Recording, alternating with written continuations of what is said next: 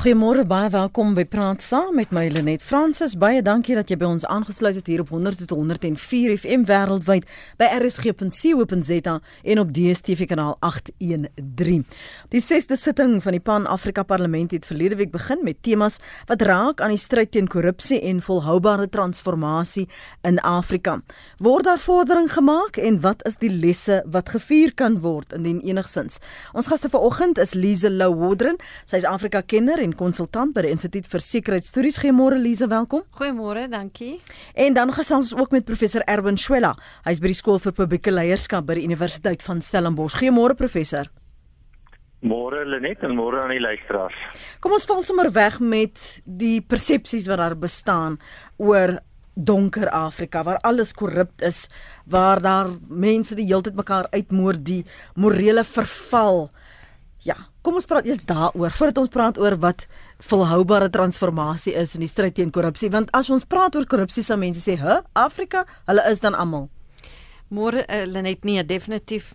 Ek dink ehm um, dis baie belangrik dat ons in baie meer besonderheid kyk na Afrika se 55 lande en presies wat gebeur en wanneer 'n mens dan nou praat oor so 'n uh, oorhoofse tema soos korrupsie. Jy weet dit is da, dis die Afrika Unie se uh, tema vir hierdie jaar. So in Januarie toe die Afrika Unie beraad in Addis Ababa was, ehm um, uh, was daar baie gepraat oor die hele kwessie van korrupsie in Nigerië se president uh, Muhammadu Buhari. Hy lei nou hierdie stryd teen korrupsie wat hy wel in sy eie land op 'n manier probeer doen het. Ons weet dat uh, Nigerië met sy olierykdom en sy groot bevolking 'n uh, 'n reuse probleem het in terme van korrupsie korrupsie. Maar daar eh, weet so ons het ons daar mense kan nou baie dinge sê en ons het al baie daar geskryf en gepraat. Die punt is daar is nie meer korrupsie in Afrika as wat daar elders in die wêreld is nie. Maar daar's twee verskille in die sin van in Afrika is die swak instellings maak dat eh uh, korrupsie ehm um, die armoede in Afrika vererger en dit is so skriwend omdat die in die meeste Afrika lande is het jy net eenvoudig nie onafhanklike media, onafhanklike regbank, 'n uh, 'n uh, 'n stelsel wat kan maak dat diegene wat korrup is aan die pen ry nie. Elders in byvoorbeeld in Europa, as ons kyk na die groot wapenkontrakte, die die sake, uh, ons het nou gesien in Brasilië, jy weet die twee mm. voormalige presidente wat aan die pen ry. So ons ehm um, so dis swak instellings aan die een kant. En aan die ander kant is 'n interessante punt wat Jackie se lewe by die Instituut vir Sekuriteitsstudies nou die dag gemaak het is dat as korrupsie gepleeg word in Afrika gaan nie geld uit die kontinent uit. Al ons die korrupte leiers en hulle families en so aan koop luukse villas daar in die Mediterrane See in Frankryk. Terwyl interessant genoeg in Asië, nie so baie korrupsie, maar die geld word amper teruggeploeg. Dit klink nou 'n baie Robin Hood amper. Uh, ja, ek maar jy weet dit is dit is amper skreiend om dit nou, dis amper immoreel om nou ja. dit so te sien. Maar dit is tog so dat ehm um, die die elite van Afrika die geld word elders ingepomp baie keer ook nou uh, moet ek sê luxe wynplase in Suid-Afrika en so aan ons weet van Afrika leiers wat die hotelle in die uh, in Sandton en so aan besit maar goed. Ehm um, so jy daai twee faktore wat maak dat die stryd teen korrupsie so moeilik is. Mm. Maar die Afrika Unie het nou al 'n uh, eh, 'n uh, klomp stappe geneem. Goed die Pan-Afrika Parlement weet ons is 'n baie swak instelling van die Afrika Unie omdat hy geen wetgewende magte het eintlik nie. Ons kan miskien later daar praat hoekom is die pap so so 'n swak instelling. Mm. Dit word dink ek doelbewus gedoen deur die leiers want hulle wil nie eintlik hê parlementariërs in Afrika moet 'n stem hê nie. So uh, so wanneer ek wanneer dit kom by korrupsie dink ek moet mense in baie meer besonderheid kyk na presies wat gebeur. Wat is die impak ook uh in verskillende Afrika lande. En die die rol ook van nie regeringsorganisasies jou ehm um, internasionale anti-korrupsie instansies Transparency International. Mm. jy weet daar is uh, definitief mense kan kyk na sekere ehm um, ehm um, meet uh, jy weet ehm um, meganismes wat daar gestel is om te meet tot watter mate die stryd teen korrupsie gewen word al dan nie en en ek weet ek dink definitief dis nie erger in Afrika as op ander plekke nie. Ons sien dit net soveel. Dis soveel meer skreiend weens die algemene armoede wat wat bestaan. Maar ek dink kom ons val sommer weg want jy het aan geraak die die relevantie dan van van van pap nog uh, professor Shuela um, Liesel sê nou dat daar's da verskeie redes en sy gaan nou by hare kom dat een daarvan is om om eintlik die leiers swak te hou Kom ons begin net te sê dat ek dink Liesel is heeltemal reg. Uh, 'n Mens moet uh, nie veralgemeen nie. Afrika is 'n uh, is 'n kontinent met 'n uh, 'n hele aantal lande. Ek dink uh, sy het nou net uh, gesê 55. Mens moet net daai feite, sy sal die feite korrek hê. En daar's 'n groot verskeidenheid. Daar is ook uh, verskillende historiese tradisies. Daar is 'n uh, die Britse koloniale tradisie, daar's die Portugese koloniale tradisie, daar's die Franse koloniale tradisie. Uh en binne al hierdie verskillende uh, lande is daar ook 'n uh, verskeidenheid ehm um, groeperinge. Uh wat ek dink 'n mens moet sê is is dat daar is uh baie definitiewe tekens van uh um, opbloei in Afrika, daar's ekonomiese groei. Daar's 'n positiewe dinge oor Afrika. Mense moet hierdie veralgemenings dat Afrika die sogenaamde donker kontinent is, moet ons verseker aanspreek. Um, en die belangrike aspek is uiteindelik uh, rondom instellings weer eens uh, korrek opgesom deur Liesel en dan veral regeerinstellings. Nou regeerinstellings uh, het nie net te maak met uh, die die Pan-Afrika Parlement nie. Dit het te maak met die verskillende uh, regeerinstellings binne die lande, maar dit het ook te maak met 'n internasionale netwerk van regeerinstellings. En as jy mens daarna gaan kyk, dan kan jy byvoorbeeld gaan kyk na die Verenigde Nasies se Europese se die uh, Verenigde Nasies se Afrika Kommissie ehm um, van uh, ekonomiese ontwikkeling. Daar is uh, die privaat instansie die Mo Ibrahim uh, instansie wat Afrika leierskap meet. Daar is uh, ook 'n ehm 'n poging om om om om Afrika regsprekende instellings uh, te kombineer. Uh, Daar's die Afrika Unie. Nou wat ons eintlik moet sê is is dat uh, waar instellings swak is en waar regeerinstellings swak is en terloops leierskap as 'n instelling, nie net as die leiers van 'n bepaalde land of 'n individuele leier nie, is ook 'n instelling. Ons moet hierdie instellings moet ons opbou en uitbou. Hmm. Daar was natuurlik baie interessante pogings in die verlede. Ons moet verwys na ons eie eh, voormalige president Thabo Mbeki wat met die die uh, NEPAD inisiatiewe en die Afrika uh ehm um, portiergroep metings gekom het. Die goed het ongelukkig 'n bietjie op die agterbrander beland. Maar daar's groot werk wat gedoen word reeds binne Afrika om leierskap, regering en instellings te verbeter. Daar kan nog veel meer gedoen word. En ek dink um, ons moet teruggaan na, na die tyd van uh, president Mbeki wat uh, in die verband uitstekende werk gedoen het om om Afrika instellings, veral regerinstellings te probeer verbeter. En dus um, ek dink 'n mens moet versigtig wees. Uh, mens moet veral nie veralgemeen nie en jy moet ook aanvaar dat daar groot diversiteit in Afrika is, maar dat daar baie tekens is van uh groeiende optimisme en verbeterde toestande. Mm. Ja, absoluut. Dankie professor. Ek wil miskien net sê oor daai 55 lande. Ons het hier daar's 54 erkende lande in Afrika, maar die Afrika Unie het nou 55 lidlande omdat die Westerse Sahara as 'n lidland van die Afrika ja. Unie. Ek dink dis dit is daar da is 'n bietjie onsekerheid daar rondom. Ek is ek is bly jy het dit opgetel. Maar ehm um, goed, as 'n mens nou vra vir Julius Malema wat blykbaar nou die dag by die Marokkaanse ambassade gaan protes aanteken, dan sal definitief 55 lidlande maar die Westerse Sahara is in hierdie stadium die VN erken die Westerse Sahara as 'n non-self-governing territory. Dit is 'n mm. gebied wat en dis eintlik maar 'n regering in ballingskap. Maar goed, uh, ja, ek stem saam. Ek dink uh, as ons nou kyk byvoorbeeld na die Pap die Mbeki era het eintlik ongelooflike um, vernuwing gebring op die kontinent. Want al hierdie instellings is in 2001 2002 geskep toe die Afrika Unie um, nou oorgeneem het by die organisasie van Afrika Eenheid. Pan-Afrika Parlement het nie bestaan nie en die instellings uh, waarna professor verwys het soos NEPA die IPRM die portuur uh, oorsig review ja review, oorsig, ja, ja. dit is mooi naam. Ehm um, jy weet die so En interessant genoeg byvoorbeeld die Pan-Afrika Parlement en die Afrika Unie se topleierskap het kwotas vir vroue. Die ehm um, van die vyf lede van elke land vir uh na die Pan-Afrika Parlement moet ten minste een uh, uh vrou wees. Ek onthou destyds het hulle gepraat van die helfte moet vroue wees. Ek sien nou hulle dit na 1 toe afgebring. Maar goed, uh en en ook die interessante ding met die Pan-Afrika Parlement is daar was die vereiste dat dit oppositielede ook moes in uh jy weet ehm um, uit die vyf moes daar ook lede wees van die oppositie. So dit was baie interessant aan die begin het mens ZANU PF en mm, MDC mm, lede mm. gekry wat nou saam hier so sit in 'n Pan-Afrika Parlement. Dit was absoluut nuut en heeltemal vernuwend. Uh maar jy weet die Afrika instellings kan nie eintlik beter wees as die lidlande nie. So van die probleme wat ons in ons lidlande het word spoel maar oor na die instellings. Soos byvoorbeeld ek sien daar's nou baie kritiek teen die president uh van die die voorsitter van die Pan-Afrika Parlement van Kameroen Dong.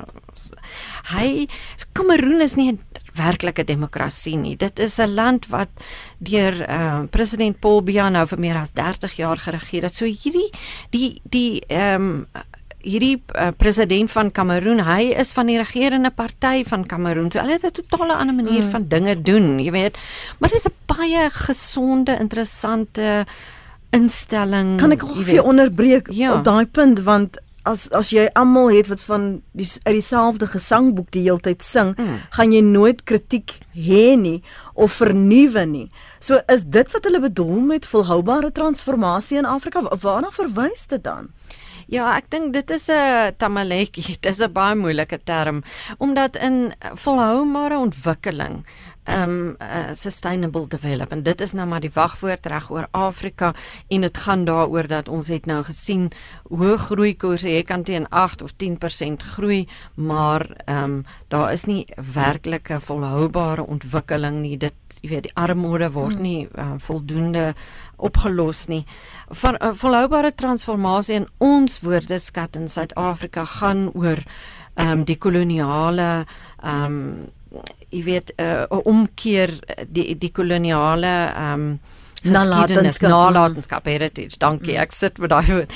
Ehm um, jy weet so de, in hier in Suider-Afrika waar die situasie heeltemal ander was die koloniale ehm um, stelsel in in plekke soos Suid-Afrika en Zimbabwe en Namibië ehm um, waar jy grootskaalse besetting gehad het wat dan nou voortgeduur het vir eeue is heeltemal anders as in ander dele van Afrika waar of daar bloedige oorloë was waar soos in Algerië byvoorbeeld die enigste ander land wat ons eintlik met Suid-Afrika kan uh, vergelyk omdat duisende Franse het plase gehad ensovoorts in Algerië. So daar was werklik 'n besetting. Hmm. In die ander Afrika lande het die kolonialiste maar net in die hoofstede en so aan geregeer en hulle is uitgeskop in die 60er jare. So jy kan glad nie ons wanneer ons praat van transformasie kan jy dit kan jy glad nie dieselfde ehm um, jy weet jy, jy kan nie daai selfde terminologie gebruik in ander plekke nie. In ander plekke soos Sentraal-Afrika sou meeste mense vir jou sê ons is nou in 'n periode waar ons van ons bevryders ons lavel raak. Liberate as from the liberators. Mm. omdat dit gaan oor demokrasie, die veg vir die die, die geveg vir demokrasie. So, dis 'n totale ander konfigurasie in verskillende streke en lande in Afrika. So, so waar begin jy dan die gesprek professor Swelle as dan nie werklik duidelikheid is en en die konteks waarna Lisa verwys in die leksikon waarna sy verwys dat as dit so verskillend is want as jy nie die benadering of die selfs dit begryp nie dan gaan die benadering ook mos anders wees. So so hoe gaan jy volhoubare transformasie of dan nou die ontwikkeling in Afrika verseker? Waar moet jy dan begin? Wel, ek dink dit het te doen met uh, die konteks as 1K, maar ook die konsep as nog 'n K. So 'n mens moet gaan kyk na die konsep van transformasie. Wat bedoel ons met transformasie? In 'n sekere sin as 'n mens sê trans is oor 'n uh, formasie is ehm um, of te vorm of te hervorm, dan is dit eintlik op 'n manier het dit te maak met 'n uh, volhoubare hervorming. Nou transformasie in die Suid-Afrika konteks het dit wels die die konnotasie van 'n groot mate van die verbetering van uh uh teenwoordigheid Ehm um, en uh, dit is die Suid-Afrikaanse definisie, die eerste uh ehm um, idee wat by mense opkom as jy praat oor transformasie in Suid-Afrika, dan kyk jy na die na na hoe lyk die verteenwoordigendheid van die instelling.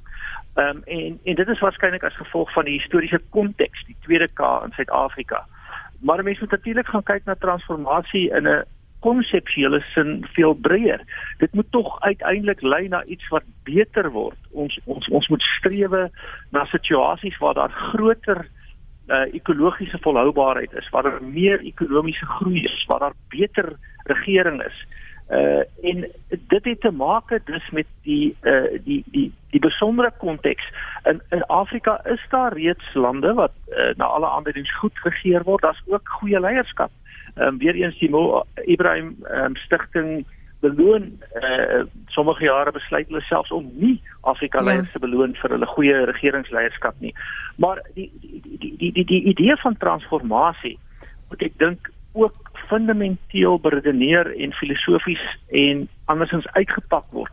Dit moet lei daartoe dat daar wel met 'n agneming van die Afrika konteks. Afrika demokrasie hoef nie presies te lyk soos Europese demokrasie of Asiëse demokrasie nie, maar daar seker grondeienskappe wat dieselfde moet wees. Dit moet verantwoordbaar wees, dit moet aanspreeklikheid vestig, dit moet lei daartoe dat daar 'n uh, uh, behoorlike uh, moraliteit is, dat daar behoorlike etiese optrede is.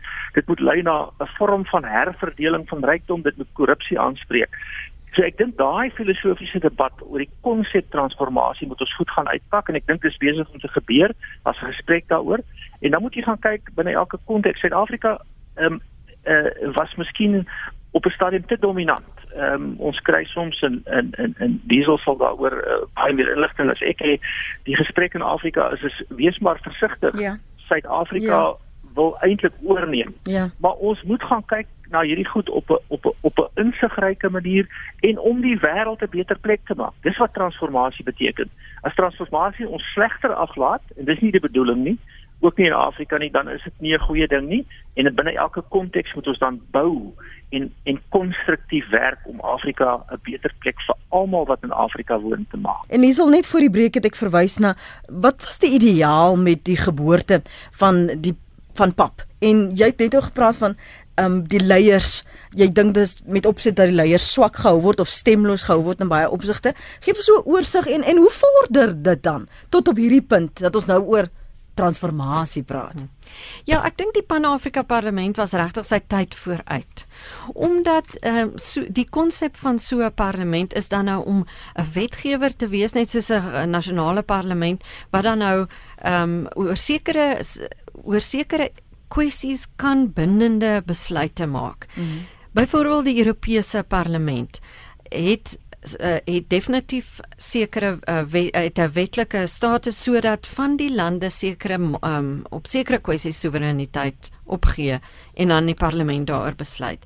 Ons het nog nie so 'n situasie in Afrika nie. Die Afrika Unie wat dan nou die uit jy weet die die die regering van hierdie parlement behoort te wees is nie 'n uh, dis 'n inter inter uh jy weet dit is 'n Och my my Afrikaans laat my nou so insteek want ek het baie Engels gepraat die laaste tyd. Maar goed, dis 'n dis 'n um organisasie wat bestaan uit hierdie 55 lidlande dan wat hulle eie soewereiniteit het. Daar's geen konsep nog wat uh, in tot in hierdie stadium waar 'n land soos Suid-Afrika sal sê wel Afrika en nie wanneer dit kom by ehm um, die hele kwessie van visums en immigrasie en so aan kan die Afrika Unie maar besluit. Ons sal nou vrye uh um sirkulasie van uh mense met 'n Afrika paspoort byvoorbeeld toelaat. Dit bestaan nog nie. Hmm. Ons is nog nie daar nie. Die Afrika Unie probeer baie hard, maar elke land in Afrika hou sy soewereiniteit.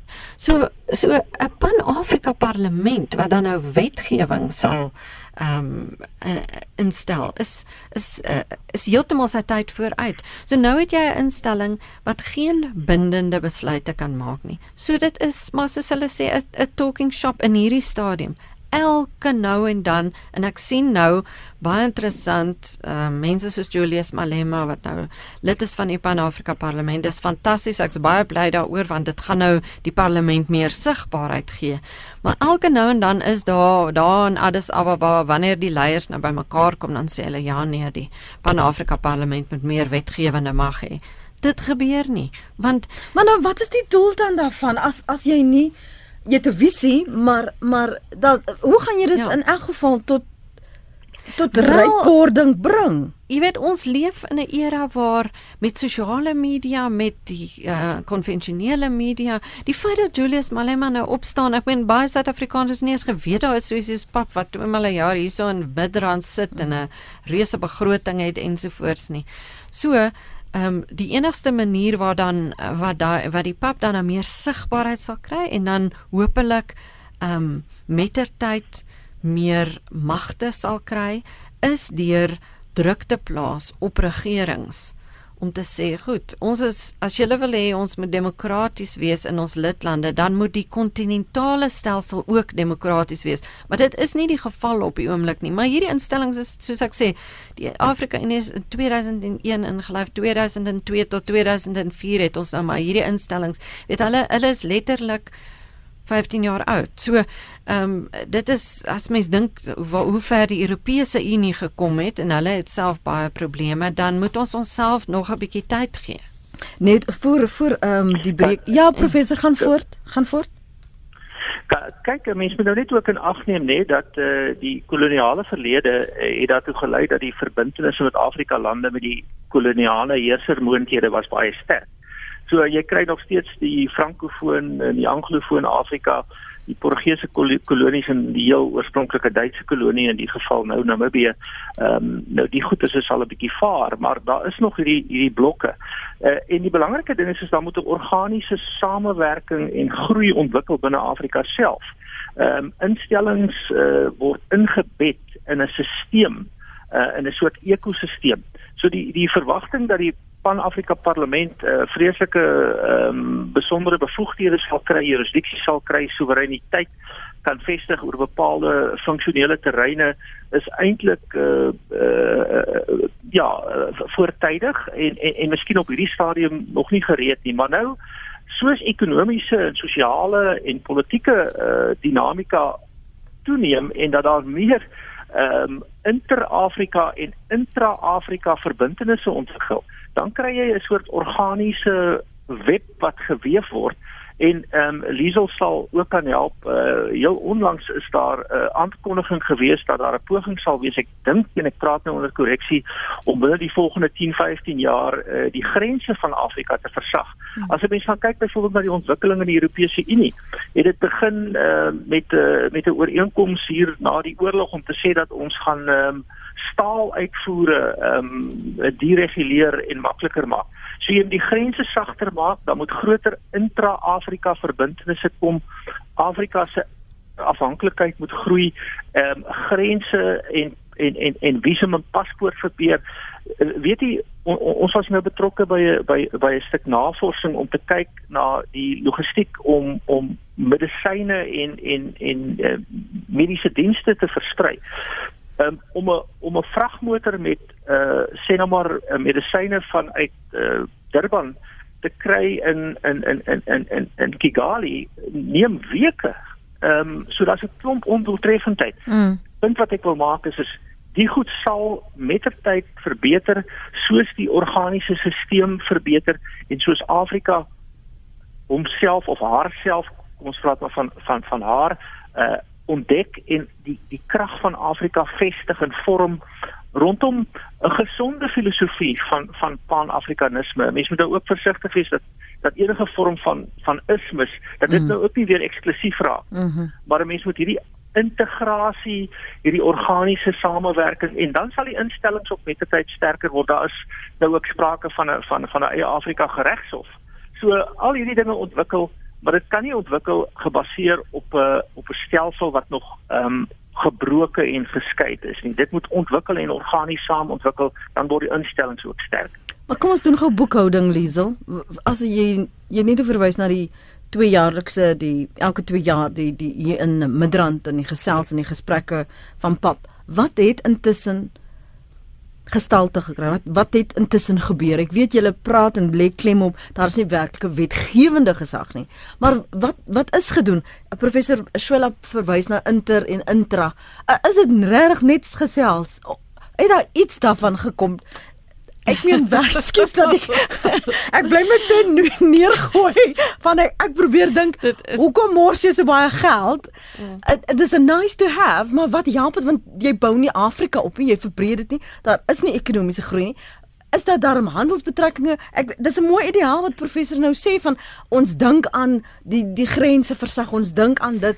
Maar wat wat het intussen gebeur wat jy kan sê die laaste 10 jaar het ons bladsy 1 ten minste dit bereik. Ja, ons kan daarom definitief sê baie is bereik. Ek moet dit wel sê.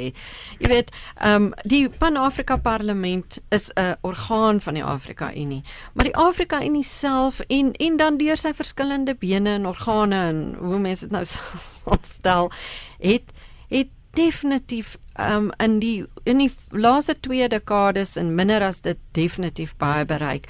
As 'n mens kyk na 'n groot klomp byvoorbeeld die die ehm um, intrahandels ehm um, die vrye mark ooreenkoms wat nou in op die 21ste Maart was daar nou in Kigali was daar nou ondertekening van hierdie vrye Afrika vryhandelsone wat nog gaan lank vat maar ehm um, daar is op 'n streekskool uh, um, grondslag het ons in Suider-Afrika, ons het Komessa, ons het verskillende instansies. So goed. So wat betref uh, handel want uiteindelik gaan dit die sakemense wees wat lande bymekaar bring en die uh, oorgrootte bewussyn van klein Afrika landjies is is ons is maar 'n druppel in die emmer ons moet saam staan. So wanneer dit kom by die vergemakliking van handel in Afrika. Goed, dit is nog steeds moontlik moeilik, maar ons het baie sterk ekonomiese ehm um, handelszones uh, op die kontinent. Die Afrika Unie self, eh, toe Nkosazana Dlamini Zuma uh die voorsitter van die Afrika Unie is was byvoorbeeld het sy 'n klomp goed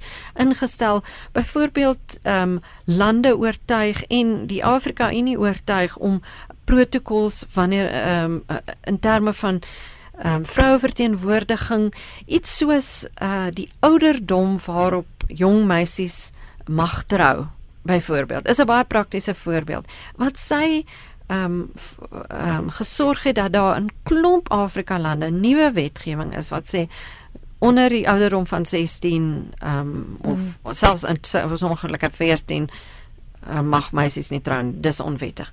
Klomp klomp klomp klomp sulke goed wat ehm um, die waar die Afrika Unie en die Pan-Afrika Parlement norms daarstel. En goed, nou is ons by die volgende stap. Hoe gaan jy nou daai jy het nou al daai mooi norms en protocols en ehm um, daar's selfs 'n uh, uh, charter on democracy, daar's nou hmm. al hierdie uh, fantastiese wetgewing. Hoe gaan ons seker maak dat dit word nou geïmplementeer? En wat is die wat is die verskillende meganismes wat die Afrika Unie het om seker te maak dat dit geïmplementeer word? Wanneer dit kom by vrede, die Afrika Unie stuur gereeld uh ja. um, jy weet bemiddelingsmagte en so aan. So wanneer dit kom by by um die kwessie van van die einde tot 'n einde bring aan al hierdie konflikte in Afrika, die Afrika Unie ook baie gedoen. Ek dink ons moet nie pessimisties wees nie. Ehm um, maar ons moet ook nie naïef wees nie maar hierdie goed ehm um, op 'n baie moeilike kontinent wat definitief 'n baie moeilike ehm um, uitdaging het in terme van uh, jy weet sy koloniale ehm um, nalatenskap uh, oor oorkom dink ek uh, die Afrika Unie het definitief baie bereik. Een van die luisteraars SP skryf hier professor Swela, hoekom het Afrika transformasie nie al lankal plaasgevind het as dit kon nie? Is die denkerigtinge net dalk totaal verkeerd nie? Ons moet gaan kyk na uh die die uh, die impak van van denke as ons mens nou praat van denke. Denke goeie idees ehm um, moet beredeneer word. En ek dink een van die dinge wat die Afrika Unie en die Afrika Parlement van Afrika Parlement ehm um, nou begin doen is juis hierdie gesprekvoering, gesprekke van ander omstandighede. So ehm um, daar is in hierdie goed 'n uh, 'n soort natuurlike dinamika ehm um, uh, 'n mens moet eers goed legitimeer. Jy moet hierdie inisiatiewe legitimeer. Dit verg gesprek. dit dit verg 'n uh, filosofiese denke dit verg uiteindelik dat mense met mekaar in verbinding tree nou skep die instellings en die platforms stadig maar seker word hierdie idees gelegitimeer en wanneer dit gelegitimeer is met ander woorde en legitimering beteken eintlik mense kry groter konsensus oor die feit dat hierdie besondere uh, bewegings en en uh, veranderinge positief gaan wees. Dit gaan hervorming, transformasie bring wat positief gaan wees. Dan kan jy dit legaliseer. Dit werk nogal lekker met hierdie direkte mm. vertalings. Mm. Jy moet eers legitimeer om te kan legaliseer. Dan volg die legalisering, dan skep jy die wette. Ehm um, en jy maak hierdie wette afdwingbaar en dan skep jy die instellings wat hierdie wette moet moet uh uh ehm um, implementeer. Uh en en en as 'n mens dan die vraag vra, dis natuurlik 'n komplekse vraag. Hoekom het hierdie transformasie nie lankal plaasgevind nie? Dan moet ons tog ook net realisties toegee dat uh, Afrika in sy koloniale verskyningsvorm uh was 'n verdeelde kontinent op grond van die belange van die koloniale moondhede. Ehm um, en 'n uh, mens moet dan verseker gaan sê dat hier is 'n impak van 'n wêreldgeskiedenis waar Afrika en ja, ek weet dit is soms moeilik uh, vir vir ons luisteraars, maar Afrika was die slagoffer van kolonialisme. Ek maak altyd die punt, waar is die kroonjuwele wat uit uh, die Kimberley omgewing uh, ontgin is? Wel, dit is in 'n in 'n in 'n museum iewers in Londen. Ehm um, en ek wil nou nie die die die koloniale smit debat kan ons ook weer op 'n dag voer. Maar maar maar Afrika is besig om te hervorm, te transformeer en dit kan mos nie anders as dit positiewe doelgerigte uitkomste van 'n verbeterde lewe vir alle mense van Afrika. As dit die uitgangspunt is, dan kan dit mos nie anders as 'n goeie ding wees nie. Mm. Nou is dit 'n kwessie van hoe kry ons dit gedoen? Ons moet legitimeer hierdie gesprekke en dan legaliseer deur die wetgewing en dan moet ons die instellings skep om dit te implementeer en dan moet ons begine leer. Demokrasie. Ehm um, neem nie 10 jaar nie. Uh in 1945 het ons in Europa nog 'n verwoestende wêreldoorlog gehad wat wat eintlik oorgespoel het. So dit neem tyd en ons moet almal daaraan werk uh op 'n deurlopende hmm. basis. Hmm. Dit moet gerig wees op verbetering op uh die die die die die, die maak van Afrika as 'n beter plek in die wêreld. Kan kan ons op daai punt net stil staan wat wat professor aanraak, professor Swela aanraak oor oor kolonisering en dekolonisering. Hoekom en veral vir net ter agtergrond vir diegene wat nie in regtig vertroud is met wat Afrika politiek en so aangaan nie en en afrikanisme wat dit vergestel het nie. Hoekom is dit so belangrik juis nou? Hoekom is dit so pertinent dat binne Afrika daar so gesels word oor kolonisering en dekolonisering en en hoe daai spore van die verlede nog steeds vandag in Indië en in die Kongo byvoorbeeld waar daar Franssprekende Kongolese is. Hoekom dit so belangrik is dat dit daaraan oor gepraat moet word? Ja, ek dink daar's geen twyfel nie, omdat mense dit elke liewe dag sien die nalatenskap van die koloniale hou vas en daar's baie mense wat nog steeds voel daar's 'n nuwe koloniale rol vir lande soos Frankryk byvoorbeeld in Afrika. En da, dit saai baie verdeeldheid. En ek dink dis baie belangrik dat Suid-Afrikaners ook 'n bietjie minder arrogant moet wees wanneer dit kom hierby. Ek was nou verlede week in Marokko by 'n konferensie oor die Afrika en moenie vir Julius Malema sê ek was in Marokko asseblief. maar dit was 'n konferensie oor die Afrika Unie en ons het hierdie gesprek gehad rondom Franssprekendes en ehm um, die uh, anglofone ehm um, Engelssprekendes op die kontinent en daar was 'n oud minister van Benin. En en hy het vir my gesê, jy weet die Suid-Afrikaners Hulle kyk so neer na ons. Hulle dink ons Franssprekendes is almal net eet uit uh die hande van die Franse en ons doen net wat die Franse meester vir ons sê. Maar hulle dit is 'n dit is 'n revisionisme van die geskiedenis omdat in Franssprekende Afrika het mense net so hard geveg teen die kolonialiste as in ander dele van Afrika uh in die Engelssprekende deel. Nou dit uh, mense sal nou baie lank daaroor ook kan praat. Maar ehm um, hierdie kwessie van uh, die die koloniale nalatenskap het sy ook 'n uh, invloed op ons instelling soos in die Pan-Afrika Parlement en in die Afrika Unie en so aan. En ek ek stem definitief saam dat ons daai ehm um, verskille moet uh, oorkom. Ehm um, en ek dink daar moet meer kennis wees van die geskiedenis omdat soos ek sê baie Suid-Afrikaners ehm um, en selfs uh, hooggeplaaste uh, amptenare van Suid-Afrika wanneer daar gestem word in hierdie instansies dan sê hulle o nee maar julle is maar net dis maar net die Franse wat julle beïnvloed. Mm. Wat 'n beskuldiging is dit nie vir ander Afrika lande om dan nou te sê uh, eintlik sê ons vir hulle julle is nie regtig onafhanklik nie.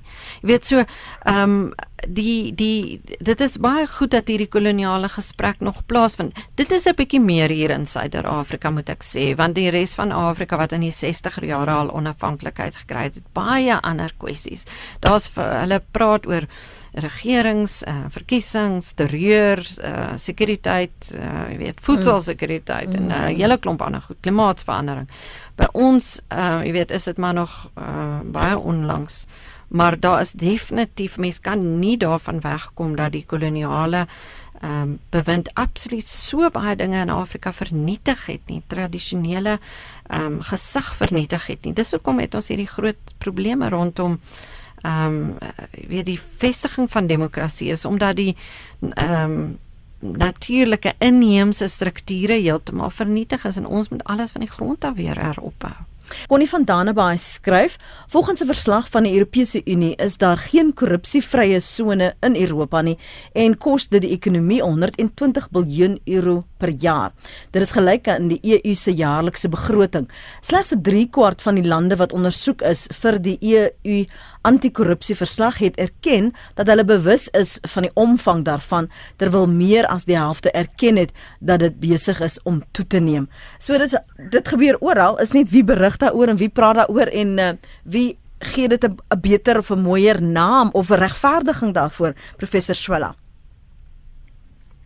Ja, ek maak baie keer en dit is miskien 'n baie kontroversiële en uh ehm um, alregse stelling ehm um, jy weet korrupsie en prostitusie het nogal iets in gemeen en da, daarmee wil ek nou nie lank debat maar daar's altyd twee partye betrokke.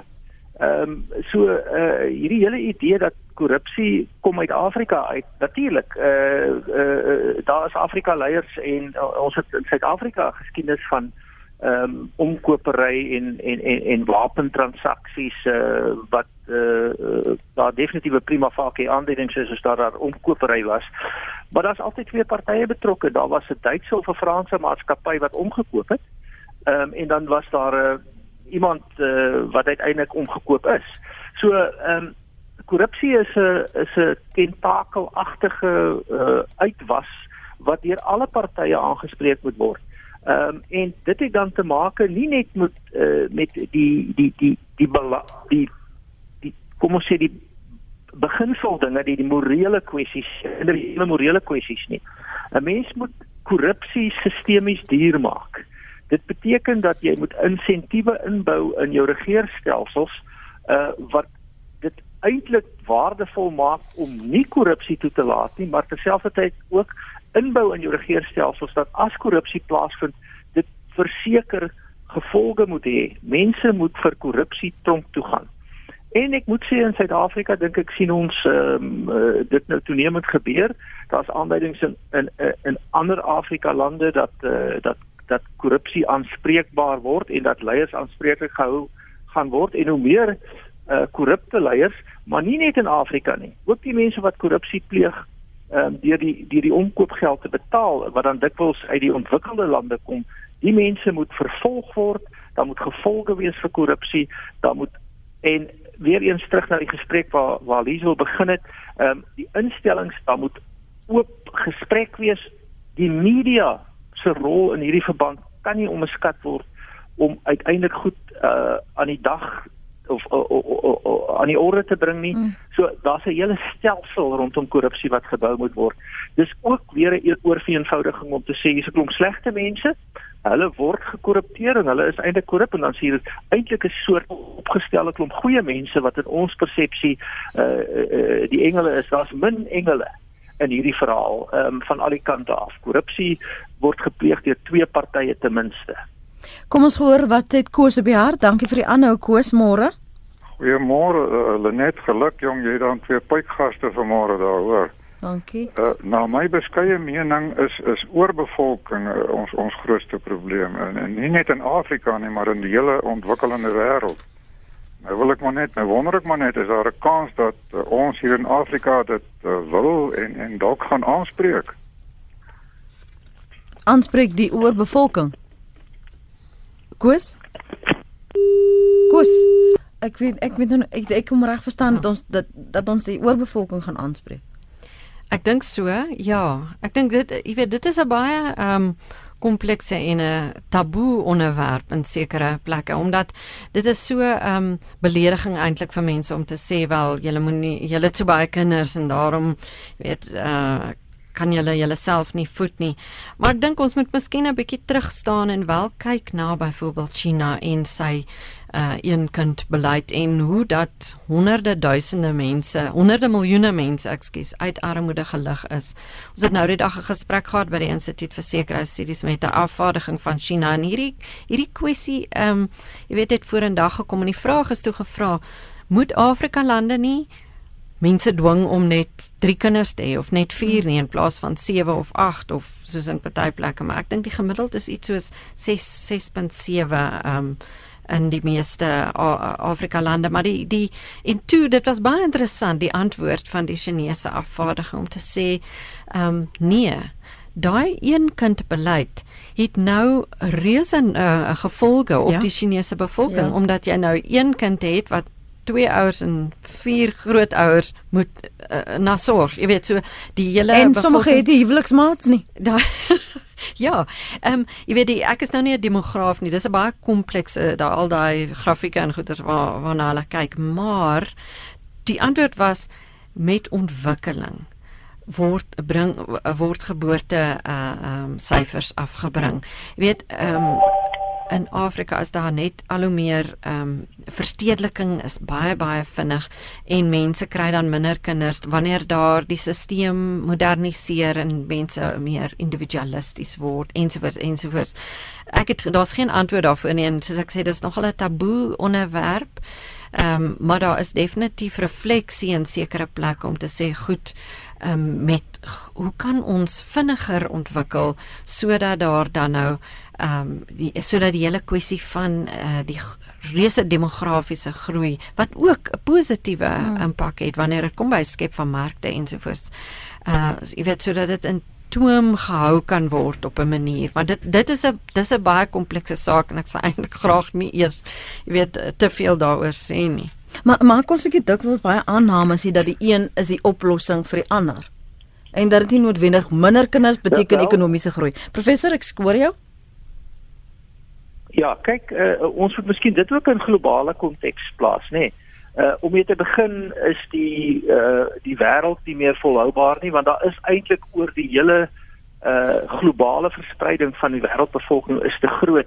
Ek dink dit is nou ongeveer in Augustus van elke jaar wat ons uh die hoeveelheid mense in die wêreld ehm um, die hoeveelheid hulpbronne wat beskikbaar is oorskry met ander woorde ons lewe van Augustus maand elke jaar op 'n oortrokke fasiliteit en volgende jaar word dit 'n bietjie vroeër. Maar terselfdertyd moet ons sê dat daar mos nou ook demografiese patrone in die wêreld. En dit is so dat Afrika uh, en ons die ontwikkelende lande het uh, relatief jeugdige bevolkings en die ontwikkelde lande het 'n uh, relatief ehm um, ouer bevolkings. En al wat ons moet doen, um, en dit is nou ook weer eens 'n kontroversiële stelling, maar mense moet baie keer hierdie hierdie ehm um, as dit ware uh ehm um, customer ratel. Ehm um, neem alle forme van migrasiebeheer in die wêreld weg en laat mense soos geld en idees en siektes en misdaad ehm um, ehm um, oor grense vloei dan is die probleem opgelos. Europa sit met 'n vergrysingsprobleem, met ander woorde hulle te min jong mense en te veel ou mense. Dis nou vreeslike ongemaklike terme want mense is vaardig en het waarde onafhanklik of hulle jonk of oud is. Die punt is menslike stelsels ehm um, plaas beperkings op op op op, op byvoorbeeld uh, migrasie en beweging. En meneer Trump bou 'n muur tussen hom en Mexiko ehm um, en die Europese Unie en Europese lande versterk hulle immigrasiebeheer.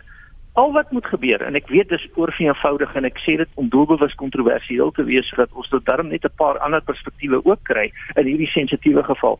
Laat die jeugdige bevolkings van Afrika net migreer na die na die noorde toe. Uh dan is die probleem ons nou gedeeltelik opgelos. Ehm um, maar goed, dit gaan nie gebeur nie.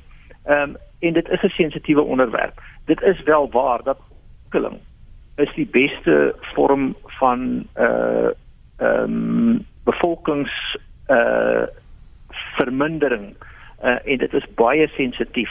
Uh, niemand wil voorgesê word hoeveel kinders hulle mag hê nie. Ek wil dit nie as 'n individu nie en ek dink ook nie dis billik en redelik om dit vir vir vir vir, vir mense te sê nie. Mense het keuses in die verband. Hulle keuses het natuurlik gevolge, maar gun hulle daardie keuse, dis hulle inherente reg om daai keuse uit te oefen. En as jy optimisties is, wil ons nou afsluit oor die die pad vorentoe, nie net vir uh, pap nie, maar die die instellings en die inisiatiewe waar daaroor gepraat word, uh, professor Shwana. Globaal het ons 'n groot klomp kwessies en ek dink ons moet hierdie globale kwessies in hierdie sistemiese globale konteks sien. Ehm um, en waarvoor ek nie eintlik meer baie geduld het is hierdie uh, afro-pessimisme. Hmm. Ehm um, wat uh, op 'n of ander manier kom vanuit 'n bepaalde huidige siening uh wat 'n mens as gevolg van 'n vooropgesette klomp idees huldig.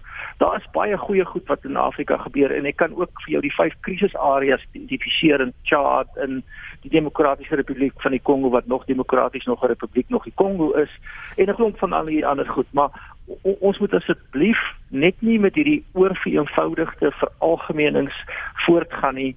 Uh, dit, uh, dit dit dit maak ons ons lewens net moeiliker. Kom ons gaan vir gesofistikeerde en 'n deurdagte manier na oplossings en hou net op om almekaar afroep pessimisties te wees en ehm um, soos my Nederlandse vriende sê doorgaans maar te klage. Mm. Maar dan ook af met wie jy uithang, né? Daai afroep pessimisme wie, wie dit voed en wat jy lees en met wie jy kuier. Ja. Is jou jou is jou optimisme? Ja, nee, definitief. Ek sê ek sê heel hartig saam met die professor. Goed. Baie dankie vir julle beskikbaarheid vanoggend professor Erwan Shwela. Um optimisties daar by die skool vir publieke leierskap by die Universiteit van Stellenbosch. Dankie professor en Lize Louwater, dankie dat jy ingekom het. Sy's Afrika kenner en konsultant by die Instituut vir Sekuriteitsstudies.